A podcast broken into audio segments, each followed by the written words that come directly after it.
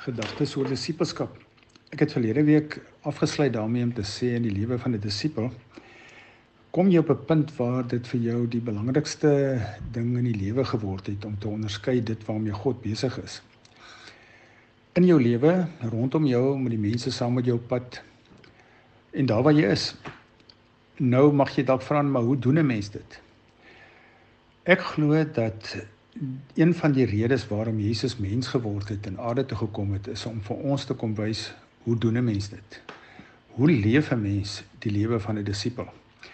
So ek wil hê ons moet nou in die volgende paar weke bietjie kyk na 'n paar gedeeltes uit die Johannes Evangelie want dit is wat my aan wat my aanbetref seker die beste boek oor disipelskap wat daar is waar Jesus vir ons soveel basiese beginsels en lesse oor disipelskap leer. Nou vandag wil ek kort net kyk na Johannes 5 vers 19 en 20 waar Jesus in 'n gesprek met die mense daar vir hulle sê die seun kan niks uit sy eie doen nie. En dit is so 'n geweldige baie belangrike ding in die lewe van 'n disipel om te verstaan. Jy kan niks uit jou eie doen nie. As Jesus niks uit sy eie kon doen nie, wie is jy om dinge te probeer aanpak en te dink jy kan dit op jou eie reg kry? Dit begin het disipele daai basiese diep diep afhanklikheid van God om te weet ek kan nie op my eie die lewe van 'n disipel leef nie. Dan sê hy hy kan niks uit sy eie doen nie behalwe wat hy die Vader sien doen. Want wat die Vader ook al doen, doen die seun net so. Nou weer, dit is absoluut krusial vir die lewe van 'n disipel om jou oë te hou op God om te kyk waarmee is die Vader besig? Wat doen hy? Wat is op sy hart vir jou lewe? En om dit wat jy die Vader sien doen, net so te doen. Nou, hoe gebeur dit? Kan jy vra, hoe gaan ek weet wat hy doen? En, en dan sê Jesus, maar die, onthou, die Vader het die seun lief. En daarom omdat hy die seun liefhet, wys hy vir hom alles wat hy doen. En hy sal hom groter dade as dis dit wys sodat jy verwonderd sal staan. So Jesus het geweet sy pa, sy vader het hom lief. En omdat hy hom liefhet, deel hy met hom alles wat op sy hart is, dit wat hy doen, dit wat hy graag wil hê die seun moet doen. En die vader gaan dit vir hom wys. En hy gaan vir hom nog groter dinge wys.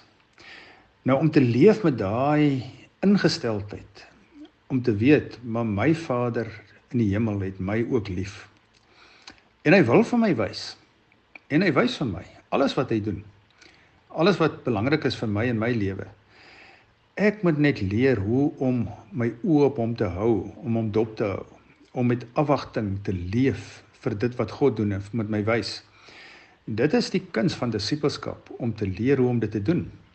Om agter te kom hoe praat die God, God die Vader. Hoe kommunikeer hy? Wat wys hy vir my? Natuurlik primêr is dit deur die woord, dit weet ons almal, maar daar's baie meer nog om te leer hoe hy deur sy gees kommunikeer met ons deur die woord, hoe om op hom te wag, hoe om bewus te word, hoe om te onderskei waarmee God besig is. En dis die lewe wat Jesus geleef het. En dan sê hy sodat jy verwonderd sal staan. En ek dink dis een van die kenmerke, wel, die gevolge eintlik van die lewe van 'n disipel. Dit lei tot verwondering. As jy agterkom hoe God praat, hoe hy met jou werk, hoe hy met jou deel wat op sy hart is, dan kom daar 'n verwondering. 'n wow oor wie God is, oor hoe hy werk, oor wat hy leef.